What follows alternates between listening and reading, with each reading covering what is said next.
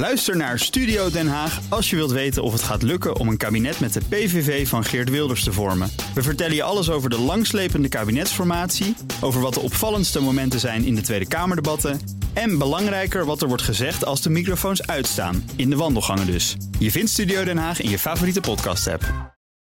Blijf scherp. BNR Nieuwsradio. The Big Five. Art Rojakkers. Welkom bij BNR's Big Five. 2022 is begonnen. Dat is een mooi moment om terug te blikken, maar ook om vooruit te kijken. En daarom dopen we BNR's Big Five de eerste twee weken van dit jaar om tot de Big Ten. En spreken we met mensen die een bijzonder of bewogen jaar achter de rug hebben. En ook dit jaar een belangrijke rol gaan spelen. Wat zijn hun lessen van 2021? Wat is hun visie voor dit jaar om het tot een succes te maken? Hier sprak mijn collega Diana Matroos met bijvoorbeeld Klaas Dijkhoff. En ook met ondernemer Attila Adjikin. Adjikin, excuus. Vandaag mijn gast Renny Rijpma, sinds de zomer van vorig jaar hoofdredacteur van het Algemeen Dagblad. Welkom. Goedemorgen. Voordat we het gaan hebben over de plannen die je hebt voor het AD, wil ik graag twee dingen van je weten. Allereerst, voordat je hoofdredacteur werd van het AD, was je de chef digitaal. Nou, dat was ik daarvoor, maar ik was adjunct hoofdredacteur verantwoordelijk voor met name het digitale deel. Ja, bij chef digitaal ook heel erg jaren tachtig klinken. Dus ik ben ja, goed, daar ben ik ook geweest. Daar ben ik ook trots op trouwens. Ja. Wat gaan we terugzien van die ervaring, van die digitale ervaring? Uh, nou, als het gaat over de ontwikkeling van nieuwsmerken. en zeker ook voor het AD, wat een groot en breed publieksmerk is. dan is de digitale ontwikkeling daar absoluut belangrijk voor. Mm -hmm. En ja, daar zal mijn aandacht blijvend op gericht zijn, ook ja. als hoofdredacteur. Ik heb al het idee dat een papieren krantlezer zich meer verbonden voelt met een krant. dan een digitale lezer. Merken ja, jullie dat ook? Dat merk ik ook. En dat is ook een van de dingen waar ik heel graag mee aan de slag wil. Om dat gevoel wat die krantenlezer bij zijn of haar krant heeft. om dat gevoel mee te nemen naar die digitale gebruiker en uh, over te brengen. En zodat die ook nou ja, nog bewuster voor het AD kiest. Ja, toch dat, dat clubgevoel, zal ik maar zeggen. Ja, dat clubgevoel dat je er graag bij wil horen. Ja, en dat moet dus ook digitaal online gaan gebeuren. Ja, en dat is uh, een, uh, best wel. Een, het klinkt als een hele simpele opdracht, maar is best ingewikkeld, omdat het medium veel vluchtiger is. Dus mm -hmm. een krant, ja, dat kan je natuurlijk in je hand houden, daadwerkelijk. En dat kan je even, ga je even voor zitten. Terwijl AD.nl, kijk je misschien even naar als je op de tram of op de bus staat te wachten. En uh, dus ja, er is een vluchtiger medium. Uh, en toch denk ik van dat we erin zouden moeten kunnen slagen om dat uh, nou ja, warme gevoel wat die krantenlezer heeft, ook naar de digitale gebruiker over te brengen. Het tweede punt dat ik nog snel wil bespreken is: u was eerder verslaggever voor verschillende media. Ja. Mis je het eigenlijk wel eens om echt op pad te gaan, letterlijk achter het nieuws aan? Mm, ik mis niet zozeer het verslaggeven van de, er zijn zeg maar hoofdredacteur of mensen in managementfuncties bij nieuwsmedia die het schrijven heel erg missen. Dat valt wel mee. Op pad gaan mis ik wel. Ja? Maar goed, dat creëer ik dan uh, nu en dan wel komen. Nou, door hier naartoe te komen. Wij werken heel veel samen met regiotitels. Ik ga ook altijd heel graag naar die regioredacties uh, toe. Want uh, niks fijner om lekker onderweg te zijn. En ja, om je heen te kijken en te zien wat er verandert in de wereld. Ook al is dat misschien gewoon een snelweg. Ja. Ik vind toch dat er toch altijd avontuurlijk. Veel, nou, ik vind dat er altijd veel te zien is. En ik krijg ook ideeën als ik onderweg ben. Dus ook daarvoor is het fijn. Ja, ja, ja. Halverwege vorig jaar begon je in juli als, als hoofdredacteur van, van de krant. Ja. Eh, Ik las in een interview dat je zei: het AD gaat me aan het hart. Ja. Wat is precies dat je zo aantrekt in die krant? Nou, ik vind het AD is bij uitstek een nieuwsmerk dat erin slaagt om het nieuws wat plaatsvindt, wat er gebeurt, actuele gebeurtenissen, eh, te brengen naar eh, ehm, wat het betekent voor mensen. Of dat wat mensen meemaken naar een hoger plan te tillen en daar nieuws van te maken. Of interessant te maken voor een breder publiek. En eh, ja, ik hou daar heel erg van. Ik ben eh, erg. Dus het grote nieuws vertalen naar zeg maar, de kleinere leefomgeving van de lezer. Ja. En het kleinere nieuws, dat van de, uit de leefomgeving, bom, eh, tot groter nieuws maken. Precies, ja. En daar, ja, dat vind ik eigenlijk het leukste wat er is. En dat is Waar zit hem ook- dat in? Wat maakt dat leuk? Ja, omdat het dan ja, menselijk wordt. Omdat het je dan daadwerkelijk raakt. Kijk, we hebben nu net in deze week nou ja, is een nieuw kabinet gepresenteerd. En er komen allerlei plannen voorbij. Maar wat dat nu daadwerkelijk betekent voor mensen die in Nederland wonen. ehm, ja, daar, daar, daar draait het uiteindelijk om. En als je blijft hangen in die eh, beleidsplannen en dat te beschrijven. dan wordt denk ik onvoldoende duidelijk over wat het, de impact is voor eh, inwoners van Nederland. En dat is typisch AD en dat is ook wat je aan het hart gaat. Ja, dat is typisch AD, omdat we juist zo eh wijd vertakt zijn in Nederland. We werken met heel veel Al die regio. Ja, regiotitels, die- al we werken met die regiotitels, hebben veel regioredacties. Dus ja, als er iets in, eh, nou pak een beetje Eindhoven gebeurt, wij hoeven daar niet naartoe. We zijn daar namelijk al. Mhm. Ja, en ja. dat eh, is toch anders. Ja. Je hoopt relaxed aan je nieuwe baan te beginnen. Dat hoop je altijd. Even lekker kunnen inwerken. Maar het was jullie. Het liep volgens mij anders. Ja, het was eh, eigenlijk eh, best wel meteen een heftige periode. Ook al omdat, ja, er is natuurlijk een hoofdredacteur die vertrekt. Dus ineens sta je zelf eh, aan het roer. Wat ik altijd al wel van dichtbij gevolgd heb. Maar als je dan zelf de eindverantwoordelijke bent, is het toch wel anders. Ja, en in week één dat ik eh, eh, hoofdredacteur was, was bijvoorbeeld de moord op Peter R. de Vries. Ja.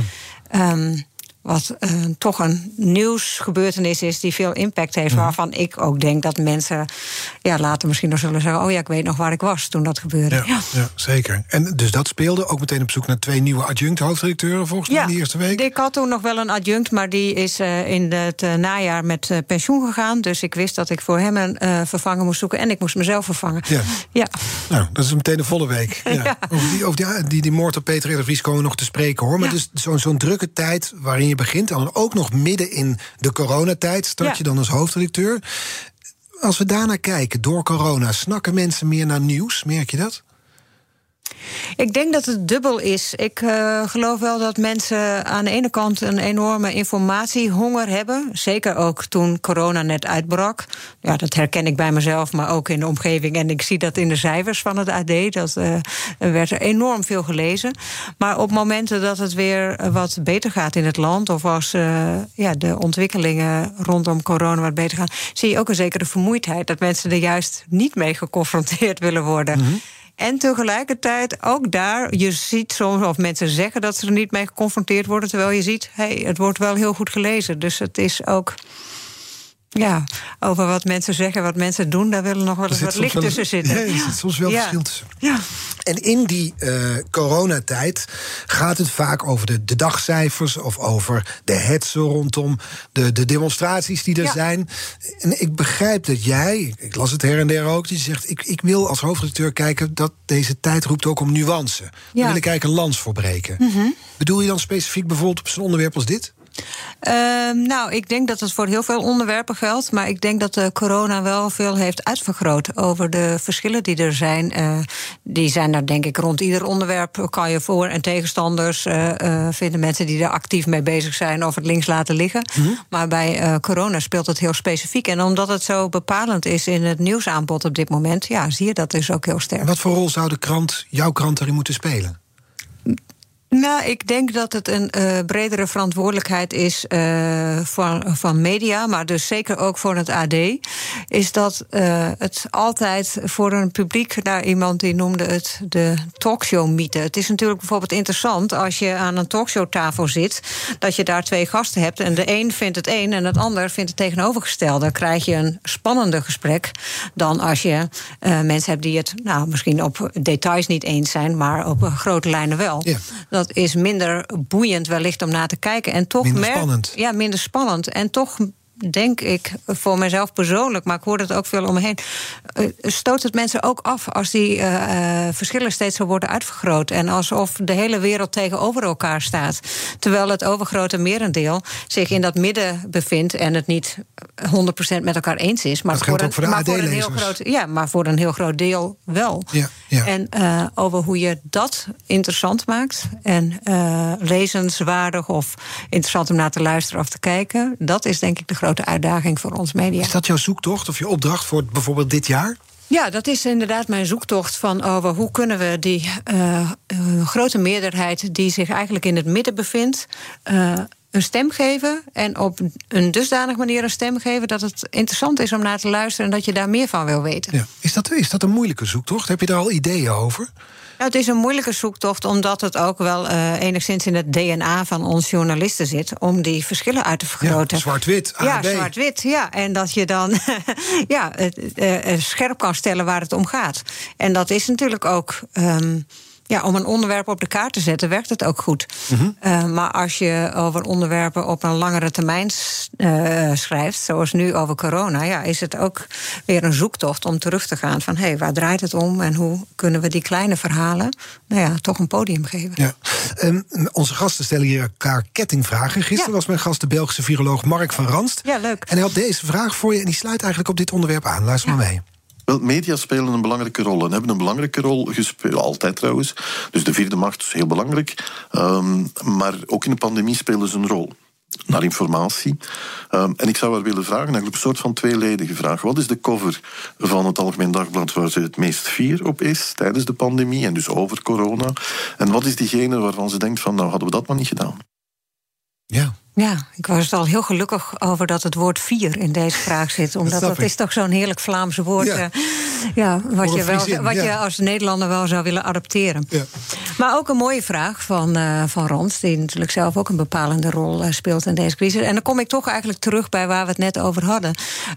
als ik kijk naar waar ik het meest fier op ben, mm -hmm. zijn dat de verhalen waarin het menselijke aspect heel duidelijk naar voren komt. En ik ehm, moest meteen denken aan een verhaal wat echt uit het begin van de coronacrisis komt, uit april 2020. Dus nou, toen waren we net uh, goed een maand ja. onderweg. Van onze verslaggever Sander van Mersbergen schreef een verhaal over een uh, echtpaar in het uh, Brabantse Bellicum. -huh. Uh, ze waren op leeftijd, maar ook al volgens mij ruim 60 jaar getrouwd. Uh, van Lid heten ze, Henk en Mien. En zij overleden beide aan corona.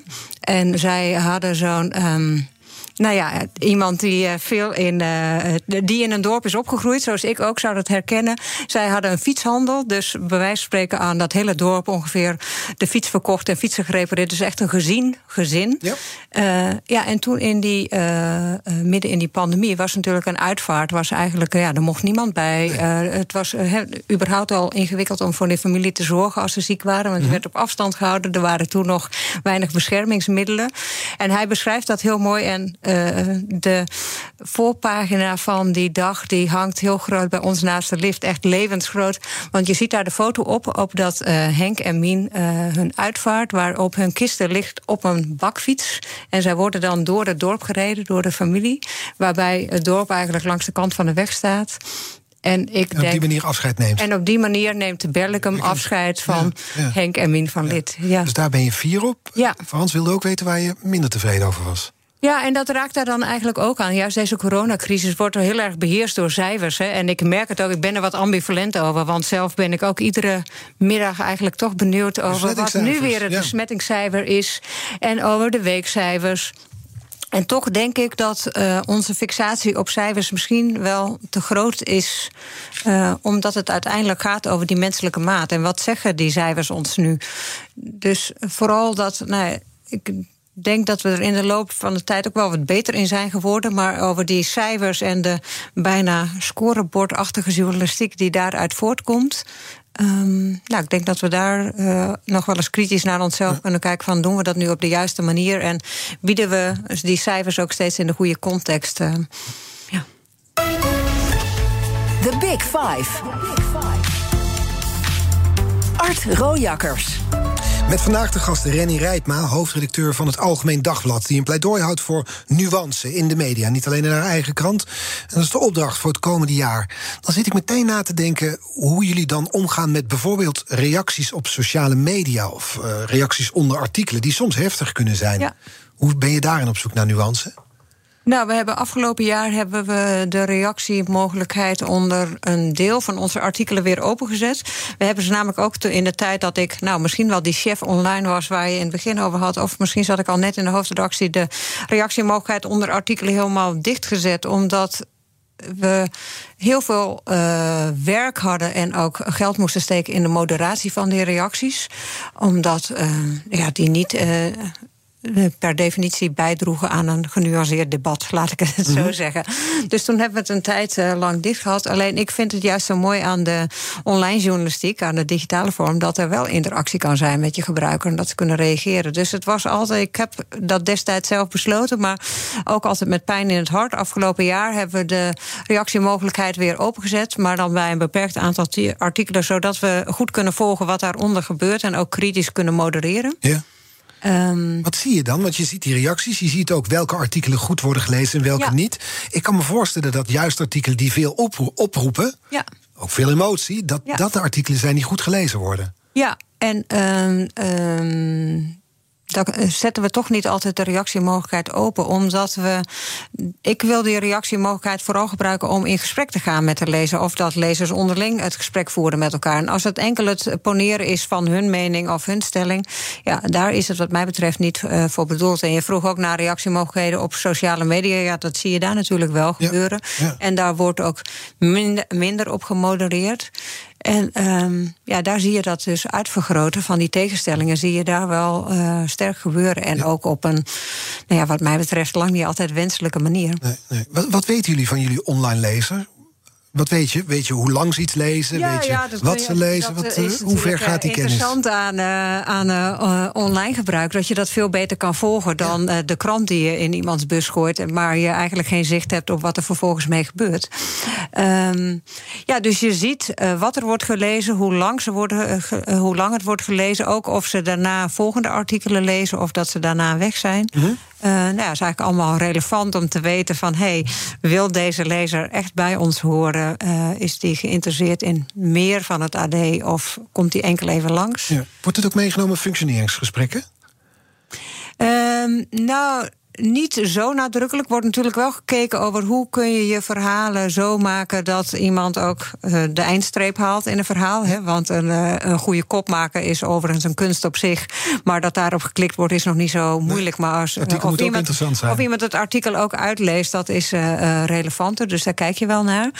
Maar um, ja, laten we zeggen, iemand die um, over een onderwerp schrijft, over nou, laten we zeggen, iemand die op onze show- en cultuurredactie werkt, die heeft het veel makkelijker om uh, veel lezers te trekken dan als je schrijft over, ja, weet ik, uh, over stikstofproblematiek mm-hmm. of zo. Uh, dus om je verslaggevers daarop af te rekenen, ben ik geen voorstander van. Want je wil ook gewoon echt kijken naar de kwaliteit van de berichtgeving. En ja, of een onderwerp moeilijk aan de man te brengen is of makkelijk aan de man. En of je daar goed in slaagt, ja. is ook bepalend voor je functioneren. Ja, ik heb wel eens gehoord bij collega-kranten dat daar verslaggevers werden verteld hoeveel hun artikel had opgeleverd. Ja, echt in uh, geld bedoel je? Geld, ja. ja. Die dit artikel, kost, uh, dit ja. artikel heeft ons 600 euro opgeleverd. Ja, doen wij niet. Uh, wel kijken we soms naar... We hebben, kijk, het AD is een van de grootste nieuwsmerken van Nederland. Sterker is het grootste nieuwsmerk met betalende lezer. Hè. De NOS en Nu.nl zijn groter dan AD.nl. Mm-hmm. Maar goed, daar kan je gratis nieuws lezen. Bij het AD kan je ook betaald nieuws Premium, lezen. En ja. is dan vervolgens daarin de grootste.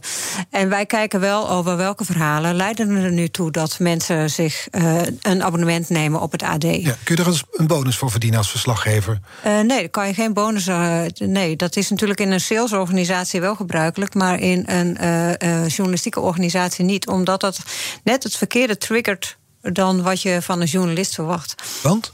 Nou, omdat een journalist moet uh, vooral uh, kritisch kijken naar uh, dat wat er in de wereld gebeurt en daar verslag van doen.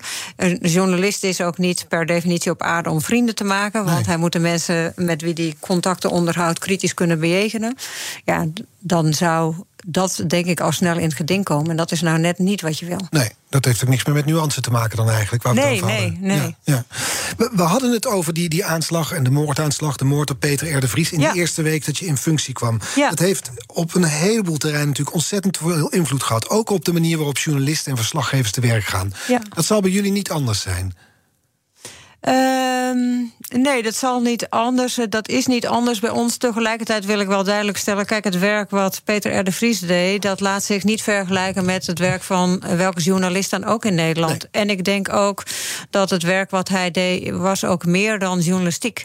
En eh, dat kan ook mede bepalend zijn. Ik weet dat natuurlijk niet precies in het, de mate waarin hij gevaar eh Het liep. klimaat voor journalisten, sowieso los van de, de moord op Peter R. de Vries, eh, wordt grimmiger. Als je kijkt naar het meldpunt eh, Persveilig, Ja. die hebben in 2021 meer een verdubbeling gekregen van het aantal meldingen van Nederlandse journalisten die zich bedreigd voelen of met fysiek geweld te maken hebben. Ja. 207, 272 nu.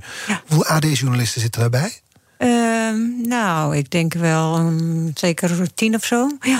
ja. Hoe ver gaat dat? Wat moet ik me erbij voorstellen? Ehm, Ja, dat, dat, dat, dat gaat heel ver. Dat, eh, in de zin van, eh, dat gaat van eh, waar we het net over hadden, die reacties op sociale media. Dat is denk ik nog de meest laagdrempelige manier van Mhm. bedreigen. En toch zou ik dat niet willen onderschatten. Want op het moment dat het je ten deel valt als verslaggever, terwijl je gewoon je werk aan het doen bent en helemaal niet zelf jouw mening verkondigt, maar verslag doet van dat wat gaande is en vervolgens van alles over je heen krijgt, heeft zeker impact.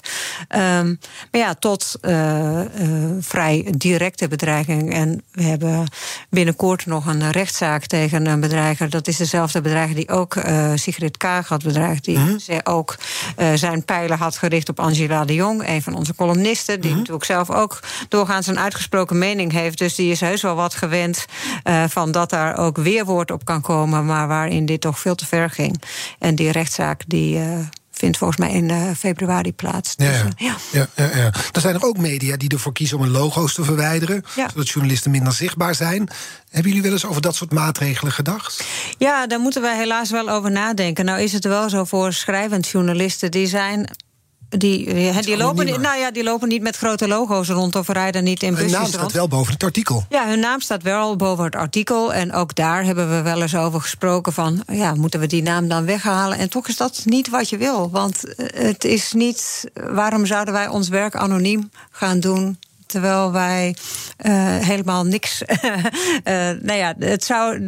Eigenlijk zou je dan. Het voelt een beetje als toegeven aan eh, bedreigers. Dus dat is eigenlijk het laatste wat je wil. Ja. Eh, tegelijkertijd zal ik nooit een verslaggever dwingen van jouw naam moet en zo boven dat stuk staan. Maar Nee. tot nog toe is het eigenlijk altijd zo dat verslaggevers er zelf ook voor kiezen van nee, ik wil gewoon met naam en toenaam en met open vizier eh, de wereld tegemoet treden. Dus mijn naam staat erbij. Ja. We spreken zo verder met Renny Rijpma, hoofdredacteur van het Algemeen Dagblad. Ook bijvoorbeeld over de online concurrentie en hoe je daarmee omgaat in deze tijden waarin ja, online toch minstens net zo belangrijk is als de papieren variant van de krant. Hè? Absoluut. Ja. Dus blijf luisteren. Tot zo. Bij BNR ben je altijd als eerste op de hoogte van het laatste nieuws. Luister dagelijks live via internet. Bas van Werven. En heel langzaam komt de zon op rond dit tijdstip. Je krijgt inzicht in de dag die komt op BNR, het Binnenhof in Nederland en de rest van de wereld. De Ochtendspits. Voor de beste start van je werkdag. Blijf scherp en mis niets. Blijf scherp. BNR Nieuwsradio. The Big Five. Art Rojakkers. Welkom bij het tweede halfuur. Deze week blik ik met vijf kopstukken terug op het afgelopen jaar. Maar kijken we samen ook vooruit naar 2022. Later deze week praat ik nog met D66 Tweede Kamerlid Lisa van Ginneken... over haar eerste maanden in Politiek Den Haag. Vandaag de gast Renny Rijpma, hoofdredacteur van het AD, het Algemeen Dagblad. En het komend half uur wil ik graag nog twee onderwerpen sowieso met je bespreken... namelijk de diversiteit op de redactievloer... en de digitale plannen. Laat het online plannen noemen. Laten Ja. we met het laatste beginnen. Ja. Want we hadden het al over die digitale, die online strategie. Ja. Ik zat vanochtend toch nog eens te kijken op de website van het AD. Dan zie je vooral veel snelnieuws, veel shownieuws. Ja. Niet meteen de langere, genuanceerde achtergrondverhalen. Die zoektocht waar we het over hadden, hè? de zoektocht naar Ja. nuance. Is dat de manier om mensen naar de, de, de site te krijgen? Nou, het heeft eh, ook te maken met het moment waarop je keek. Kijk, daar kijken wij ook naar. En we zien dat in de ochtend, en dat herken je misschien ook uit je eigen leven, zit iedereen in een soort spits van. eh, Zeker. Nou, wellicht moeten kinderen naar school. Ja. Jezelf moet je opstaan, aankleden en eh, eh, op tijd op je werk zien te komen. En eh, nou is dat weliswaar voor veel mensen tegenwoordig ook thuis. Dus dan is dat iets makkelijker. Maar toch, je bent onderweg in letterlijke dan wel figuurlijke zin. Dus En richten dan- jullie de site 's ochtends anders in? ja, en dan is het eigenlijk vooral de behoefte aan kort en snel bijgepraat worden over wat er op dat moment speelt. Terwijl de meer achtergrondverhalen en langere verhalen, daar zien we dat dat nou, aan het eind van de middag en in de, in de avond worden die veel beter gelezen. Omdat mensen simpelweg meer tijd hebben op dat moment om Ja, ja. te lezen. Ja. Dus ochtends is het, gaan we voor het snelle nieuws, voor het shownieuws, voor de prikkels die we willen. Ja, om gewoon even gauw bij te zijn. En eh, in de loop van de dag nou ja, ontstaat er meer ruimte voor eh, de langere verhalen. En betekent ook dat nou, verhalen die je wellicht vanochtend in de papieren krant had kunnen lezen, dat je die al, nou, soms al de avond ervoor leest, omdat we weten van, nou, het is nu klaar, eh, we hebben dit verhaal afgerond en we kunnen het eh, publiceren, dat we dat dan in de avond al online publiceren. Ja. Omdat uh, voor de online bezoeker het dan een goed moment is om daar even de tijd voor te nemen. Ik kreeg namelijk het gevoel dat het AD een, een krant was met twee gezichten. Je hebt de papieren krant met mhm. inderdaad de, de, de achtergrondverhalen, ja. ook de, de, inhoudelijke genuanceerde verhalen. En online, waarbij het meer richting de telegraaf gaat. Clickbait, snelnieuws, shownieuws. Ja, ik denk dat dat beeld niet helemaal klopt. Kijk, alles wat, vrijwel alles wat in de krant verschijnt, verschijnt ook online. Dus die twee, het is wel zo dat er online veel meer verschijnt dan uh, in de krant. De krant heeft een, zekere omvang en mm daar past niet alles wat er de hele dag gebeurt in. Wat is de verhouding dan? En over... er meer online dan in de krant?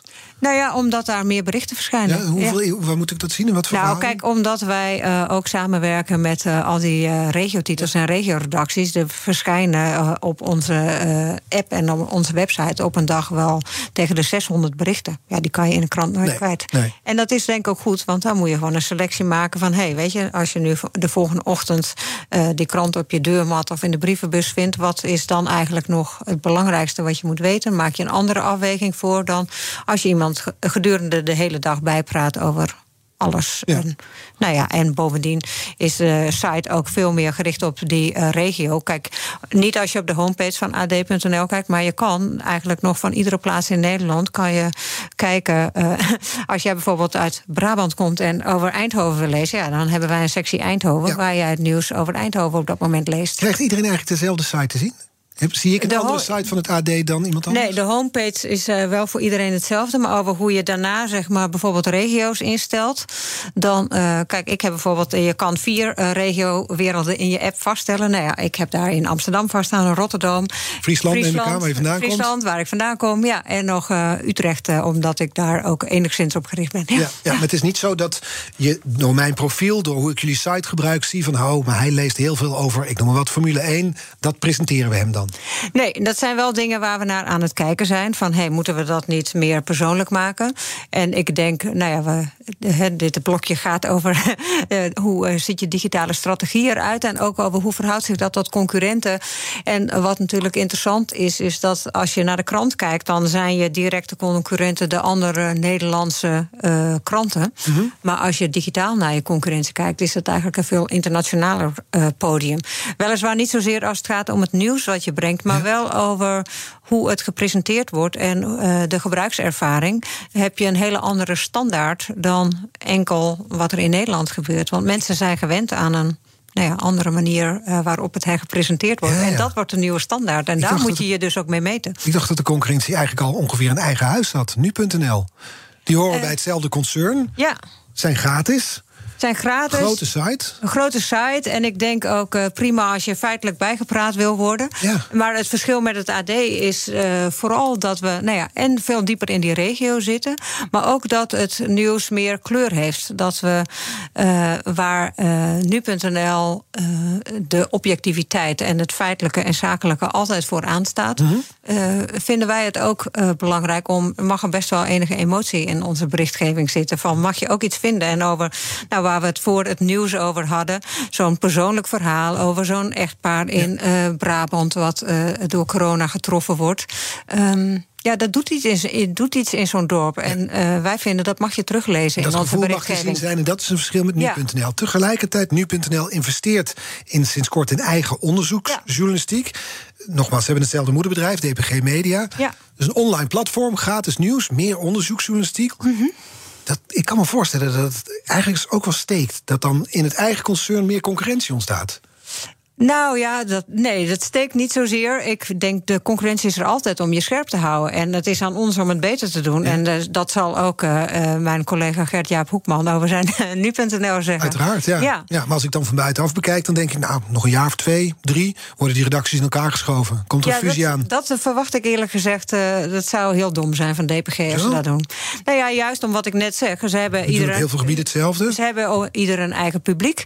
En, maar ook ieder een hele specifieke uh, manier van het nieuws brengen. En ik denk dat voor beide een grote markt is in Nederland. Maar het zou echt zonde zijn als je bij nu.nl dat feitelijke en zakelijke weg zou gooien. En het zou heel zonde zijn als je bij het AD juist dat die iets meer emotie en dat wat meer kleur geven aan ja. het nieuws. Als je dat weg zou gooien. Nou, je hoeft de merk ook niet op te heffen, maar je kunt de redactie zelf fuseren natuurlijk. Kostenbesparing. Um, ja, maar ik denk niet dat het zo werkt. Omdat uh, je moet het ook kunnen.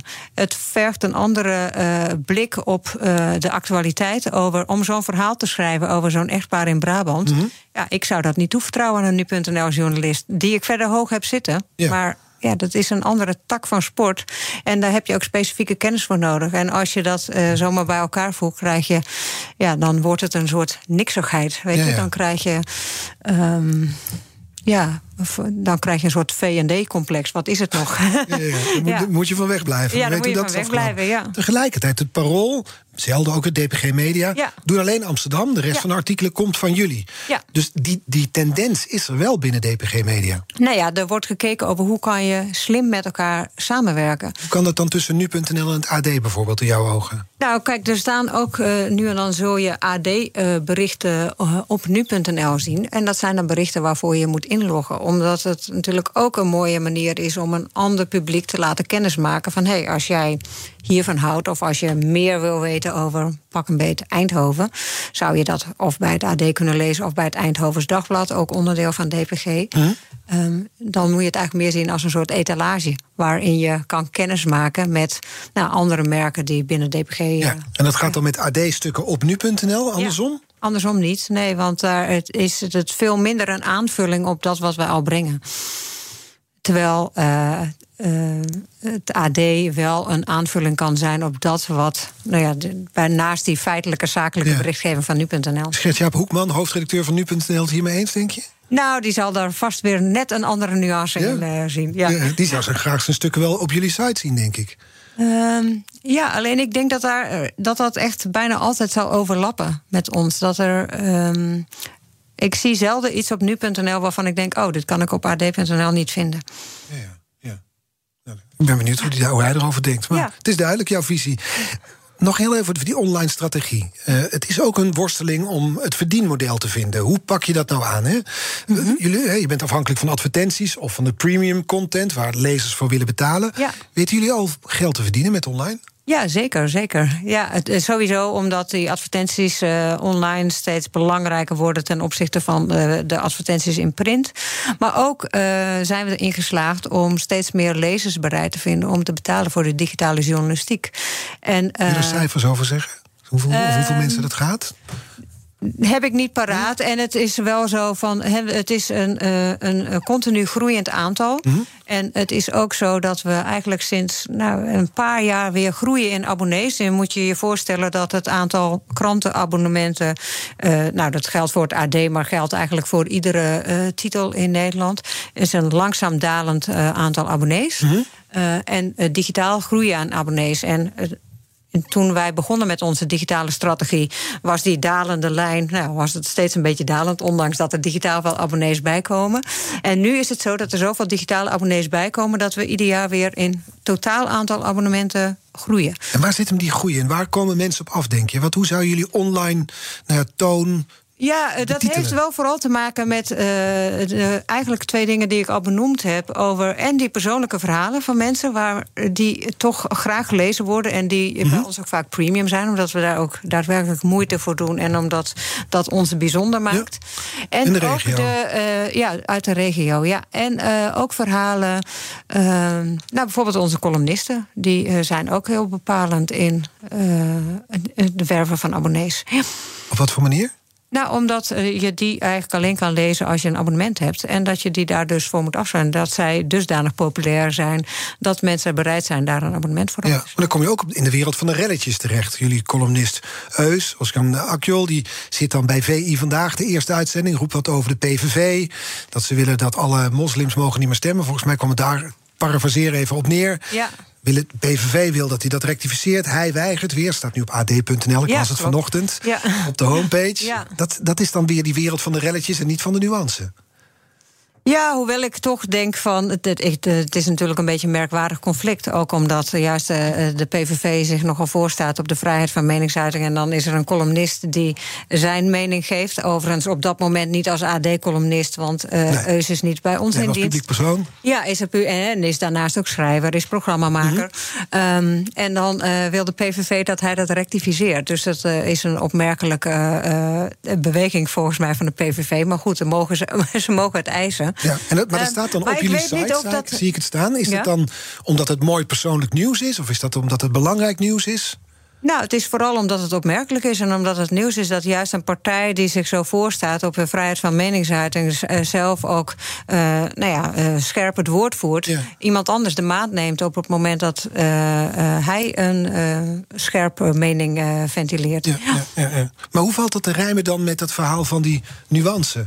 Ik wil niet alle artikelen die op jullie site staan langs die meet laat leggen. Nee. Maar die zoektocht waar we het nou hadden van een journalistiek... waarin er ook ruimte moet zijn voor nuance. Dit is nou Nou ja, precies waar we het over hadden. ik A denk- versus B, zwart Ja, versus wit. Dit is A versus B. En ik zou denken, als wij hier nu op door zouden gaan... weet je, als we denken van, hé, hey, dit is dusdanig belangrijk... we moeten hier dieper in, dat je dan ook juist de nuance zoekt. Hoe zit het eigenlijk met de vrijheid van meningsuiting? En er wordt wel eens gezegd van, in Nederland eh, mag je niks meer zeggen. Ja. Nou, ik denk, als je dat goed uitzoekt... je mag in Nederland heel veel zeggen. Ja, dus dat En worden de vervolgverhalen. En waar zit dan precies de grens? Weet je, wanneer mag je iets niet meer zeggen? Dus, en dat, dan kom je weer bij de nuance van... hé, hey, eigenlijk mag er in Nederland heel veel gezegd worden. Alleen er zijn wettelijke grenzen, althans eigenlijk Ja. bepaalde rechten... die je mag alles zeggen. Alleen het kan zijn dat iemand anders dan naar de rechter stapt... en dan is het aan de rechter te bepalen of eh, je dat op dat moment Exact. Maar dat is de daadwerkelijk uitleg van de hoofdredacteur hier in deze uitzending. Maar in de krant lees ik puur het relletje. Nou, in de krant, sorry, op de site. Kijk, het, het begint vaak met een nieuwsbericht en dat is nog vaak de rel. Maar als je het vervolgens uitdiept, dan moet je wel echt op zoek naar de nuance. En het zou, Ja. waar ik tegen zou zijn, is als we doorgaan op de rel en dan de rel uitvergroten. is ook wel lekker toch, relletjes, soms. Nou, zeker. Ik bedoel, niks menselijks is ons vreemd. Hè? En eh, dat vind ik ook belangrijk. Kijk, bij het AD mag het ook leuk zijn. Dat is ook belangrijk. Maar ehm, eh, juist in die verdieping, daar moet je de nuance Daar gaan we het handschrift van de nieuwe hoofdredacteur van het AD in herkennen. Ja, We praten zo verder met die nieuwe hoofdredacteur. Ja, ben je eigenlijk nog nieuw als je er een half jaar zit? Ik weet het niet. Ik Zit eh, weet in niet. eh, ik- nou ja, ik, eh, het eerste jaar noem ik me nieuw. Daarna hou ik hem mee We op. praten zo verder met Renny Rijpma, hoofdredacteur van het Algemeen Dagblad. Eerst naar Iwan Verrips. Zometeen om 11 uur BNR breekt. Wat is je breekijzer vandaag? Ja, wij rellen, rellen lekker door. Ja? Ons breekijzer zometeen is... het kabinet moet vrijdag de lockdown opheffen. Ik weet niet hoe jouw gevoel is, maar ik heb het idee... dat sinds deze ochtend de kritiek op de lockdown... van allerlei kanten opeens aan het aanzwellen is. Ik hoorde bij Bas van Werven vanochtend en bij jou ook alle belangengroeperingen voorbij komen. Ja, gemeenten, steeds meer gemeenten die open brieven sturen aan het kabinet... om Ja. eh, niet-essentiële winkels weer te openen. Ondernemers die zich eh, nou, natuurlijk nog steeds zorgen maken. Eh, winkeliers die zeggen, we gaan zaterdag toch de deuren openen. Maar ook ehm, eh, eh, zorgen over sportlocaties, onderwijsinstellingen... psychiaters die zich zorgen maken. Nou, vandaag is er OMT-overleg. Wij gaan daarvoor nog wat input geven zometeen tussen 11 en half 12. Vrijdag weer een persconferentie. Ons breekijzer dus, het kabinet moet vrijdag de lockdown opheffen. Ik ben heel benieuwd hoe jij erover denkt. Kan dat, denk je, op een eh, veilige, verantwoorde manier? Zou bovendien een lekkere binnenkomer zijn voor Ernst Kuipers. Maakt hij zich waarschijnlijk wel Ja. populair mee. Of is dat toch verstandig? En moet je juist nu, of onverstandig, moet je juist nu voorzichtig zijn en niet te vroeg juichen? Gisteren mijn gast, insinueerde dat wel. Die zei, het is ook gehoord. politieke keuze ergens. Ja, ehm, inderdaad. En IC-bedden zei hij ook heel erg. Ja. Als we die nou wat meer zouden hebben, zou het misschien nog wat eerder kunnen. RIVM zei gisteren ook, we maken ons zorgen. We zitten toch niet op de top van de huidige coronagolf. Dus ja, hoe maak jij die afweging? Ons breekijzer, het kabinet moet vrijdag de lockdown opheffen. Je kunt eh, reageren vanaf 11 uur door te bellen naar... 020 468 4 Nog één keer iets langzamer. 020 468 4 0 Ja, wordt steeds soepeler, hè? 13 minuten hier op BNR. Tot zo, Iwan. BNR Nieuwsradio. The Big Five. Art Rojakkers. Je luistert naar BNR's Big Ten van 2022. Eerder deze week sprak ik, noemde met Mark van Ranst... over het leven als viroloog in deze tijd. Is terug te luisteren via bnr.nl of via onze app. En vandaag de gast Renny Rijpma, hoofdredacteur van het Algemeen Dagblad. We gaan het hebben over diversiteit. Want de doelgroep van het AD, divers gezelschap. Het is heel Nederland, van links tot rechts, van hoog opgeleid tot laag opgeleid. Allerlei kleuren en geuren en smaken. Hoe zit het met jullie redactievloer? Ehm, onze redactievloer is lang niet zo divers als eh, ons publiek is. En ehm, het is eh, in grote mate wit. Het is, denk mm, iets ouder dan ik misschien zou willen. En eh, man-vrouw verhouding is redelijk op orde. Ja. Wat wil je dan doen? Mm, nou ja, zijn we nu nadrukkelijk naar aan het kijken. DPG is net gestart met een uh, traineeship voor uh, divers talent. En ook divers in de volle breedte van, uh, van het woord. Voor ehm, mensen die niet een journalistieke opleiding hebben, maar wel belangstelling voor de journalistiek hebben. Die kunnen zich melden en kijken, nou, kunnen de komende maanden kennis maken op redactievloer of het iets voor hen zou zijn. Het is een manier om nou ja, andere mensen binnen te krijgen dan via de gebruikelijke routes, de scholen van journalistiek. Mm ja. Er gaan andere deuren op die manier open. Ja, dat uh, hopen we van harte. Ja, wat ook onder diversiteit valt, is natuurlijk dat je de eerste vrouwelijke hoofdredacteur van de krant bent. Uh, ik neem aan dat je ook van plan bent om meer vrouwen in de krant en op de site te krijgen. Ja, zeker. Hebben we de afgelopen maanden al gewoon aan gewerkt. En kijk ik nu ook steeds nadrukkelijk naar op het moment als we mensen kunnen aannemen van hé, hey, hoe is eigenlijk de verhouding op die redactie? Ja, maar ook in sprekers bedoel ik, want mannen domineren nog altijd het nieuws.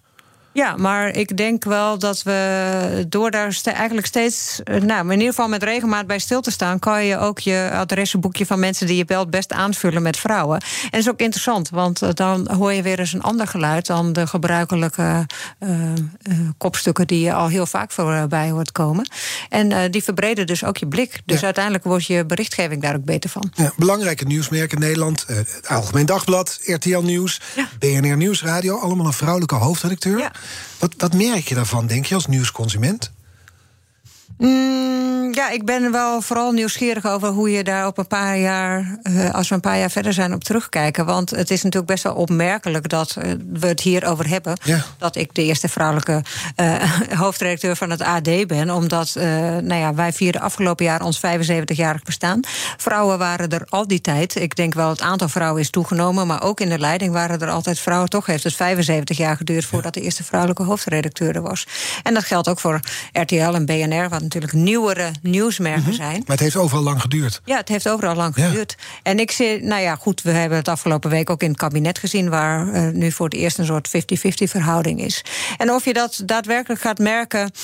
Mm, ik denk in ieder geval dat het voor veel vrouwen, dat uh, hoor ik ook vaak terug, uh, fijn is, omdat zij um, ja, zich meer herkennen in het beeld van wat ze dan uh, voorgespiegeld krijgen. En dat je, nou ja, ook als een meisje op school nu uh, makkelijker kan denken: oh ja, minister, weet je, misschien ja. is dat wel iets voor mij. Terwijl als je daar nooit een vrouw ziet. Dan moet je helemaal zelf op het idee komen om ja. dat te gaan doen. Er was een keer een verhaal over een paar kinderen op een Duitse school. Uh, waren wat uh, zo aan het spelen met elkaar. Mm -hmm. En toen vroegen ze aan elkaar, wat wil je later worden? En toen zei een jonge bondeskanselier, bondskanselier... Ja. zei meisje, dat kan niet, daar moet je een vrouw voor zijn. Ja. Want die waren natuurlijk onder Merkel opgegroeid. Ja, dus dat zeker. werkt nou, ja. andersom. Ik vraag ook naar die vrouwen, omdat een... Excuus, een van mijn gasten in de week van de hoofdredacteur, een poos geleden, bij de Big Five, Harm Tazelaar, tot voor kort hoofdredacteur van RTL Nieuws, zei dat hoofdredacteuren vaak Bokito-baasjes zijn. Mm -hmm. Het leek me ook een typische mannelijke benadering misschien. Ja. Ben jij een Bokito-baasje? Um, nou, ik kan dat wel. En ik moet zeggen dat dat denk ik wel komt doordat ik ook veel met mannen gewerkt heb. En dat je dan denkt van, oh, dit is de manier waarop je dat moet doen. Mm -hmm. Dus je spiegelt je aan de voorbeelden die je om je heen ziet. En ik heb wel moeten leren over nou, ik heb bijvoorbeeld, dat heb ik wel eens eerder gezegd. Ik heb bijvoorbeeld heel lang gedacht dat ik geen hoofdredacteur zou kunnen worden. En niet zozeer omdat ik nou vrouw ben, maar juist bijvoorbeeld omdat ik ja, erg van die nuance ben. En ja. dat belangrijk vind en dat uh, graag naar voren breng. En ik dacht, ja, hoofdre hoofdredacteur hoofdredacteur zijn. hoofdredacteuren zijn gewoon altijd heel uitgesproken, hebben overal een mening over, vinden van alles. Ik dacht, ja, dat past helemaal niet zo bij mij. Dus volgens mij is dat niet een baan voor mij. En waar kwam de omslag? Totdat ik me realiseerde, er zijn eigenlijk heel veel mensen die wel een beetje klaar zijn met al die mensen mensen die maar iets vinden en uh, zo stellig hun mening poneren zonder dat ze eigenlijk weten of dat nou de waarheid is, maar het is wat zij vinden. Mm -hmm. um, dus ik dacht van ja, dit is eigenlijk maar een beeld wat ik voor mezelf gecreëerd heb. Dat dat niet zou kunnen. Volgens mij kan het best. Dus laat ik eens gaan solliciteren op deze baan. Ja, en toen bleek ja. het nog weer klank te vinden ook. Zeker, ja. ja, ja. En nu is dus de, de, zoektocht voor het komende jaar. We gaan die met veel interesse volgen. Hoe dat vorm gaat krijgen op de site en in de krant. We hebben nog één ding te behandelen in dit uur. Dat is de kettingvraag. Um, morgen is mijn gast. Uh, ik dacht dat het Wouter Laumans was dat morgen mijn gast uh, was. Maar ik heb hier mijn draaiboek staan, Lisa van Ginneken. Volgens mij is het Wouter Laumans, als ik me niet vergis. Ik heb dat ook doorgekregen. Ja, dan gaan we daar gewoon vanuit. Misdaadverslaggever Wouter Laumans. Wat zijn ja, jullie van het Parool, ja. ja. ja. ik eh, ken hem nog wel een beetje uit de tijd toen ik zelf ook nog veel verslaggeving doe. Ik heb ook veel rechtbankverslaggeving gedaan, dus dan kwam ik hem nog wel eens tegen. Wat mijn vraag aan hem zou zijn, is um, of hij antwoord heeft op de vragen waar toch de fascinatie van onze mensen in de volle breedte vandaan komt voor misdaad. Hm? Want het is toch eigenlijk iets waar we niet mee te maken willen krijgen. Toch fascineert het ons allemaal. En in zekere zin wordt het soms ook geromantiseerd. Ik bedoel, we kennen allemaal, nou ja, dat is misschien ooit begonnen bij The Godfather. Maar ook uh, uh, series als Undercover en de Mokro Mafia. Um, en of hij vindt um, dat of de media daar een rol in hebben omdat ik zou denken, het is een wereld waar je verre van wil blijven. En wat je je kinderen zeg maar, vooral niet wil meegeven om daarin terecht te komen. Nou, wat is dan de rol van media om dat duidelijk te maken dat dat ja, een wereld is om bij weg te blijven. Terwijl We gaan het ervoor leggen. Wouter Laamans. die fascinatie is. Ja. Dank voor de komst vandaag en succes het komende jaar bij het Algemeen Dagblad. Ja. Renny Rijpma, hoofdredacteur van het Algemeen Dagblad. Ehm, voor de luisteraar, onze afleveringen zijn terug te luisteren. In de BNR-app vind je de podcast en ook op bnr.nl. En nu op deze zender BNR Breekt. Een fijne dag nog. Ook Bas van Werven vind je in de BNR-app. Ja, je kunt live naar mij en Iwan luisteren tijdens de ochtendspits. Je krijgt een melding van Breaking News. En niet alleen onze podcast Ochtendnieuws, maar alle BNR-podcasts vind je in de app. Download nu de gratis BNR-app en blijf scherp.